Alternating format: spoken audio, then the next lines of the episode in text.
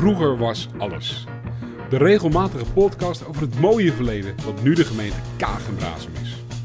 Mijn naam is Patrick Deters en ik duik in de archieven van de Stichting Oud Alkmaar, Stichting Oud Lamuiden en Rijnzaterwoude en de vereniging Otto Cornelis van Hemersen om de mooiste verhalen eruit te vissen. Welkom bij Vroeger was alles.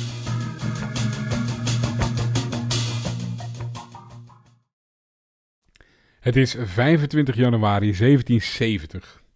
Boven het water voor de Kaapverdische eilanden slaat een ongenadige storm op het hout van een oud schip. De wind trekt aan de touwen en de zeilen en de bemanning probeert zich staande te houden terwijl er metershoge golven op de boeg slaan en de zee af en toe bezit neemt van het dek van het schip. De kapitein kijkt vanuit het achterdek neer op zijn manschap en ziet hen vechten om te blijven staan. Hij tuurt vooruit en probeert door de grijze mist van neerslaand water en een loeiharde wind zich te oriënteren bij het vallen van de avond. En dan horen zij onder hen het breken van het hout op stenen kliffen. De paniek slaat toe, maar het schip blijft hangen op die kliffen. De volgende ochtend, als de storm is gaan liggen, wordt de schade opgenomen en zien ze dat ze het schip niet los kunnen krijgen. En kapitein van Klinksbergen verlaat het schip samen met de vrouwelijke passagiers en wat matrozen met een sloep om naar het eiland af te varen. Als een stukje van het schip af zijn, kijkt hij achterom en daar ligt ze dan, vast op de klippen. De trots van de VOC. De Luimuiden. Vertelde ik in een eerder verhaal dat we hier in het verleden het altijd hadden over heerlijkheden. En niet over gemeentes. We hadden de heerlijkheid Alkmaar aan één kant van de Brasem. En de heerlijkheden Hoogmade, IJselijke Wouden, Lamuiden, Vriesekoop aan de andere kant van de Brasem. Die heerlijke rechten behoorden aan de ambachten. En dat behoorde toe aan een heer of een vrijheer of een erfheer, of natuurlijk een vrouw, een vrijvrouw of een erfvrouw. Die heer of vrouwen had dan het recht om binnen de heerlijkheid die heerlijke rechten uit te oefenen. Wat voor rechten waren dat? Het waren meestal rechten die te maken hadden met jacht, vis, markt, munt of benoemingsrechten. Maar voornamelijk ook met inkomsten.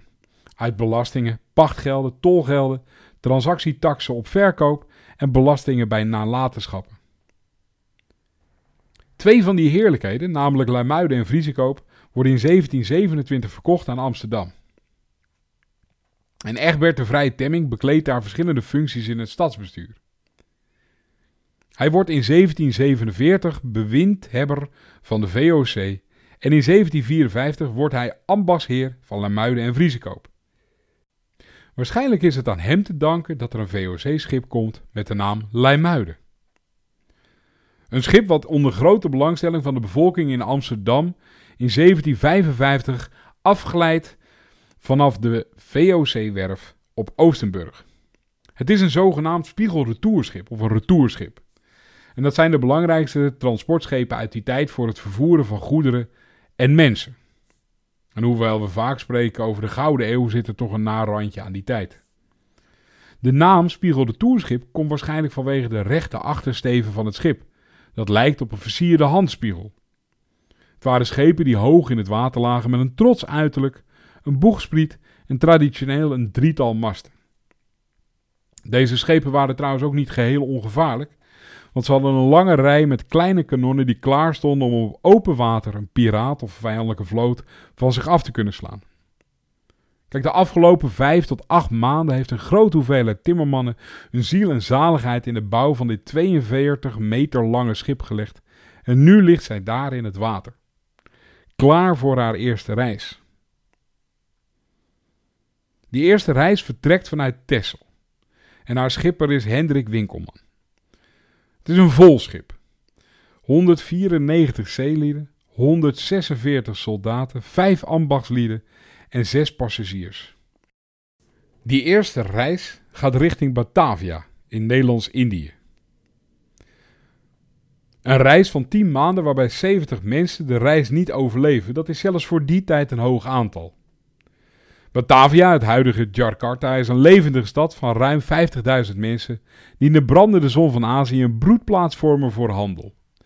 De VOC had daar een fort liggen en alle handel werd daar in de omgeving bedreven. De schepen werden daar ook gebruikt om overal vandaan kruiden en specerijen te halen en dan weer terug te varen naar Nederland. Tussen 1761 en 1769 vaart de Lamuiden een aantal keren heen en weer tussen Batavia en Texel. Op 29 december 1769 vertrekt ze voor de laatste reis vanuit Texel naar Ceylon.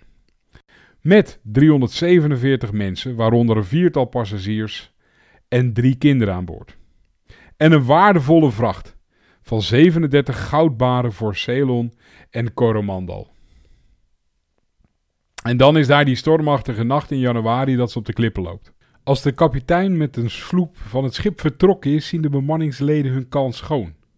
De kisten met goud worden met veel geweld opengebroken en de baren worden door verschillende bemanningsleden in hun kleding verstopt. En dat loopt niet voor iedereen goed af.